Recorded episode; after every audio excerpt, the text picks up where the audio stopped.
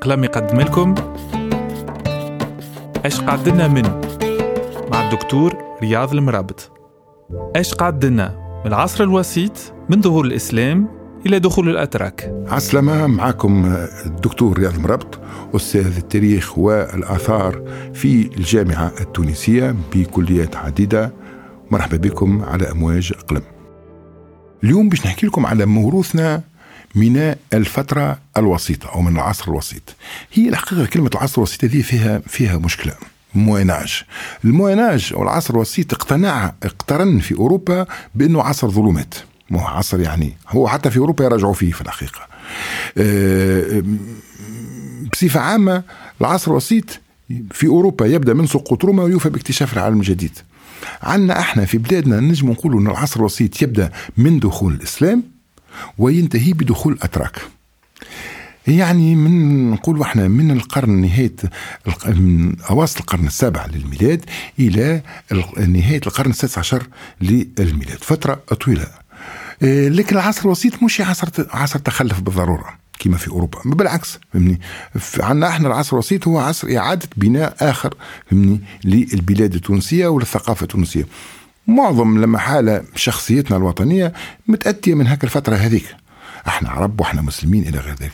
لكن هم أشياء مميزة جاية من الفترة الأولى هذه كل لأنه اللي نعيشوا فيه إحنا تو هو في الحقيقة امتداد لما بعد العهد العثماني لما بعد القرن 16 دولة الأتراك والحسينيين ودولة الحماية والاستقلال كل الحلقات قريبة ياسر من بعضها ويعني ما ورثناه من الفترة هذه أكثر من, أنه يحص أنه يعد ولا يتخصص له مداخلة صغيرة يعني كل مظاهر حياتنا. لكن خلينا نجيو لهيك الفترة هذيك اللي فيها كثير من الأشياء. ركزوا على بعض الجوانب المهمة جدا اللي هي ما زالت تتحكم في حياتنا اليوم.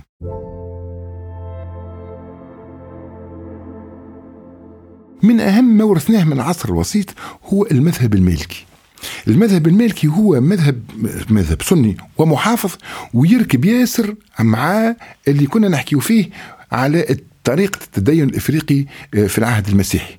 التدين الزاهد والتدين المحافظ والتدين اللي يؤمن بالنظافة والتدين اللي يكره الفلوس والثروة والثروات إلى غير ذلك. وهذا هو التدين الإفريقي وهذيك هي الملكية. الملكية هي المذهب الذي انتصر في بلادنا وفي كامل شمال إفريقيا بفضل محل الامام سحنون هذا ما فيش حتى شك. أول من دخل هو سيدي علي بن زياد. سيدي علي بن زياد اللي مازال مقامه موجود اليوم في تونس ولكنه وافق هوى في تونس. حتى كيف جاءوا الإسماعيلية وحاولوا ينشروا المذهب الشيعي ما نجحوش فهمني؟ حتى المذهب الإباضي اللي هو راكب أيضا على المسيحية الدوناتيه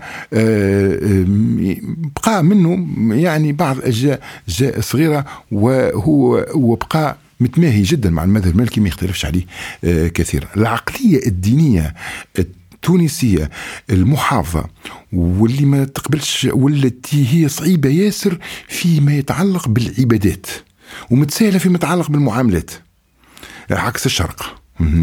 دونك نعطيك حاجة بسيطة. إحنا في شمال إفريقيا تنجم تعمل كل شيء.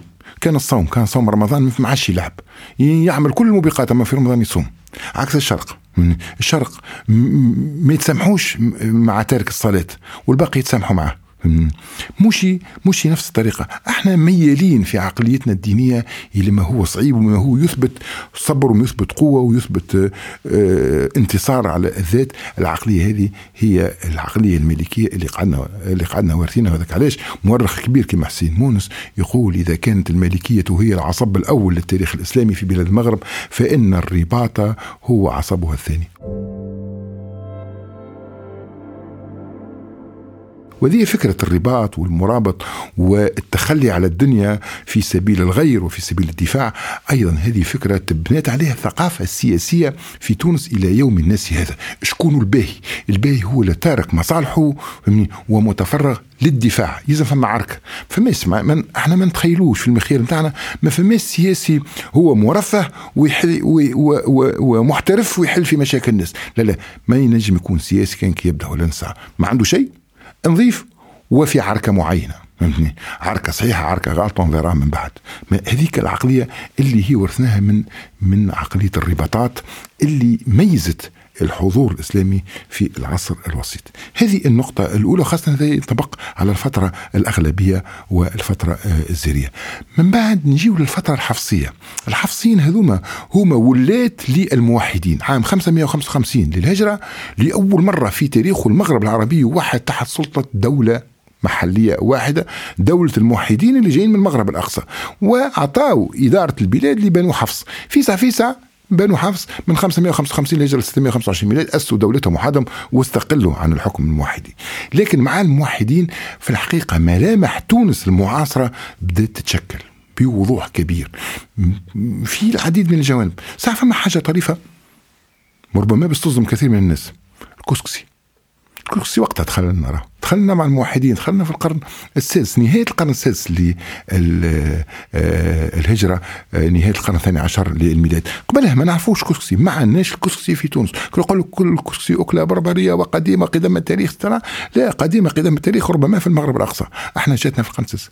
علماء الآثار ما لقاو حتى كسكاس أثري يعود إلى ما قبل القرن 13 ما فماش فهمني؟ رغم لقينا كل أنواع الأواني. ال biberon لقيناه لقينا حتى البيبرونات نتاع أطفال من عهد قرطاج لقيناها موجودين. فهمني طناجر صحونه اللي تحب أنت؟ ما عدا الكسكاس. لأنه بكل بساطة التوانسه ما كانوش ياكلوا الكسكسي الكسكسي دخل لنا في القرن آه، في القرن الثاني عشر. وتحول إلى أكلة مقدسة ويرتبط بالمناسبات الدينية لأنه الدولة الموحديه هي بدأ عندها غطاء ديني. والأخماس هذه عام الأخماس عام 555 خلى التوانسه إلى اليوم رقم خمسة رقم مقدس. ويقول لك يخمسوا فهمني خمسة والخميس فهمتني؟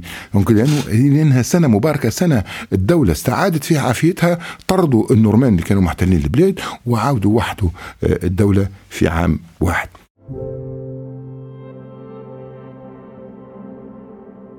الدولة الحفصية شعطاتنا أهم ما أعطته لنا الدولة الحفصية هو ملامح الدولة التونسية الحالية. الدولة التونسية الحالية هي السليلة المباشرة للدولة الحفصية. التنظيم الإداري ساعة ولا نجيو الحدود. حدود الدولة هي آه، آه، حدود الدولة التونسية الحالية هي حدود الدولة الحفصية مختصرة. الدولة الحفصية كانت عندها تونس هذه الحالية وكانت عندها مقاطعات في الجزائر حتى البجاية. وولاية طرابلس. وهذو مزوز من طبيعتهم. من وقت الدولة الحفصيه كانت علاقتهم متأزمة مع المركز وكانت نزعتهم الاستقلالية كبيرة وواضحة. بالتالي معناها كانوا حزام إلى الدولة المركزية دوله دولة تونس الحالية لكن مش قلب الدولة. هذاك علاش؟ يعني انفصالهم كان سهل. التقسيم الترابي للبلاد الولايات اللي نعيشوا فيها إحنا اليوم فهمني والمعتمديات وحتى المشيخات هي في الحقيقة يعني آه، موروث حفصي. عندنا بعض العركات القانونية على التراب موجودة من العصر الحفصي مشكلة هنشير آه، آه، مشكلة هنشير سيدي الهاني مثلا. وهي مشكلة بعد الثورة قامت فيها نزاعات كبيرة في سيدي الهاني وشكون وشكون ملك يملك الهنشير جماعة سيدي الهاني ولا جماعة مساكن. المشكلة قائمة منذ العصر الحفصي لأنه فما تضارب ما بين سند ملكية أعطته الدولة الحفصية وسند ملكية أعطته الدولة الحسينية فيما بعد. قانون اللزمة اللي تمشي به الدولة التونسية إلى اليوم فهمني؟ لزمة الأسواق لزمة كذا. منح الامتيازات للاقراب من النظام إلى ذلك إنه تبيع الدولة جزء من آه، تبيع الدولة جزء من آه، سلطتها في مقابل معين. أيضا هي براتيك ممارسة حفصية فكرة الدواوين القصبة مركز الحكم. فهمني هي فكرة حفصية وإنجاز حفصي القصبة هذيك قصر الحكومة من العصر الحفصي هذاك هو مركز الحكم وتنظيم الحكم في تونس العاصمة. بالطريقة هذيك أيضا هو فكرة حفصية. وجود جامع خاص بمن يحكم غير الجامع اللي يمشي له العباد. عنا جامع العابدين. لكن قبل جامع العابدين كان عنا جامع القصبة وجامع القصبة أيضا خاص بمن يحكم. هو جامع السلطان الحفصي. روح الدولة تعملت في العصر الحفصي أكثر من هيك مشروع الدولة الوطنية. فكرة الدولة الوطنية التونسية القائمة على القوى والنخب المحلية فقط. مهما ومقاومة الأجانب سواء كانوا الأجانب هذوما يعني من غير الملة ولا من داخل الملة. معناها سواء كانوا إسبان وإلا مسلمين. فكرة الدولة خاصة بالتوانسة. وبمعزل حتى عن الأتراك اللي هما مسلمين. فكرة هذه فكرة في تونس جات في آخر دور الحفصي في آخر عهد الحفصي مع الحركة الشابية. الحركة الشابية هي حركة كانت تحمل أقدم مشروع دولة وطنية. قائمة على المؤسسات المحلية. فاك الوقت هذاك المؤسسات المحلية هي الزوايا لأنه الزاوية هي بمثابة الجمعية اليوم. الزاوية راهي مش مؤسسة نتاع دولة نتاع دين فقط هي مؤسسة نتاع نتاع دين نتاع مؤسسة اجتماعية ومؤسسة علمية ومؤسسة سياسية ومؤسسة ثقافية إلى غير ذلك. حركة الحركة الشعبية قامت على هذه على هذه الزوايا وعملت ما يشبه البرلمان يعني ميعاد ميعاد القروان وعملت دولة وعاصمتها القروان وتمكنت حتى من الانتصار على الإسبان. ممكن مشكلة الشابية أنهم حاربوا الإسبان والأتراك في نفس الوقت وذكاء الأتراك وخبثهم خلاهم يواجهوا الشابية قبل ما يواجهوا الإسبان لأنه فهموا أنه الخطر الحقيقي هو في القوى الوطنية. إلى اللقاء.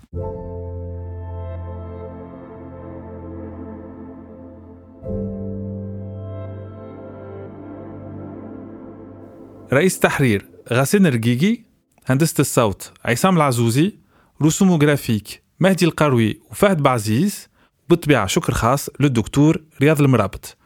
يعطيكم الصحة اللي تبعتونا في قلم. تلقاونا على ال social media وتنجموا تسمعوا البودكاست متاعنا على ال plateforme المفضلة متاعكم متاع البودكاست